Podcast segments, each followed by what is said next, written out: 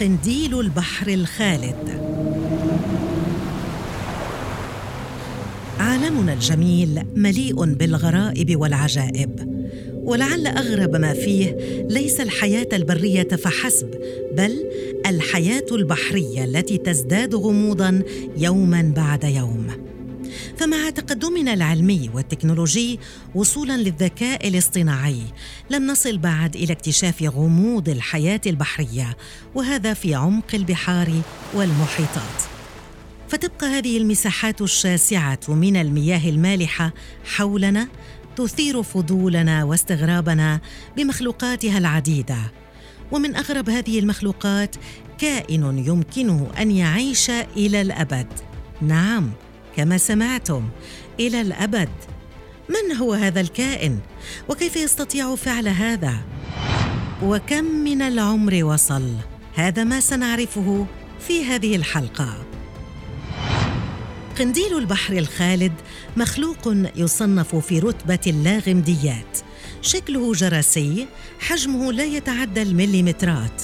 يغطي هذا الجرس غلاف هلامي شفاف وهو ذو معدة حمراء واضحة. يوصف هذا القنديل بقدرته العالية على التحمل والبقاء. ولهذه القدرة سر وحيد ويمكن القول إنه سر خارق. بعد أن يبلغ قنديل البحر جنسيا تضع الأنثى بويضاتها ليقوم الذكر بتلقيحها بشكل خارجي. ومن هذا التلقيح ينتج عدة مراحل في تطور قنديل البحر الخالد. اولا البويضة الملقحة هي البويضة التي تم تلقيحها من أحد الذكور والتي تستمر في سباحتها إلى القاع أي قاع البحر أو المحيط وعند الوصول تبدأ في التشكل والانقسام. ثانيا اليرقة السابحة أي البالينولا وهي يرقة بدائية النمو تتوجه بأهدابها نحو قاع البحر. ثالثا اليرقة المستقرة وهي ذات اليرقة السابقة لكن بعد أن تغرس أهدابها في قاع المحيط.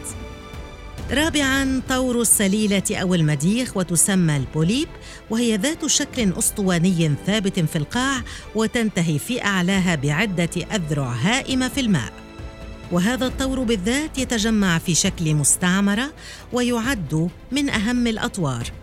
خامسا طور السليلة أو المديخ ببراعم متخرطة ويسمى بوليب وذ بادز وهي أشبه بالطبقات المترتبة بعضها فوق بعض.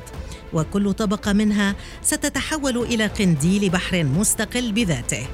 سادساً طور القنديل غير الناضج جنسيا وينتج عن الطبقات التي تحدثنا عنها في الطور السابق حيث تترك قاع البحر أو المحيط وتبدأ في السباحة باحثة عن الغذاء.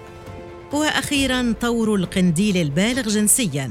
وقمنا بذكر هذه المراحل التطورية للقنديل لأن سر خلوده يتموضع بينها. هذا النوع من القناديل لا يفارق الحياة إلا إن تم قتله بشكل خارجي. وهذا الكائن كما رأينا يفقس وينمو وينضج كباقي المخلوقات لكن بدل أن يمر بمرحلة الكهولة أو الشيخوخة التي يحدث فيها هدم الخلايا يعيد هذا الكائن نفسه إلى مرحلة الطفولة مرة أخرى أي إلى مرحلة السليلة في الطور الرابع ليعيد بذلك دورة حياته من جديد. وعليه لو ترك هذا المخلوق بلا مفترسات سيعيش حرفيا إلى ما لا نهاية. هذه الظاهرة لوحظت أواخر القرن العشرين وأطلق عليها العلماء اسم التباين الجيني. هي تسمح للخلية بأن تتحول وهذا ما يهتم به العلماء على وجه الخصوص لاستخدام هذه التقنية أو مثيلاتها لإعادة بناء الخلايا التي تلفت بسبب بعض الأمراض.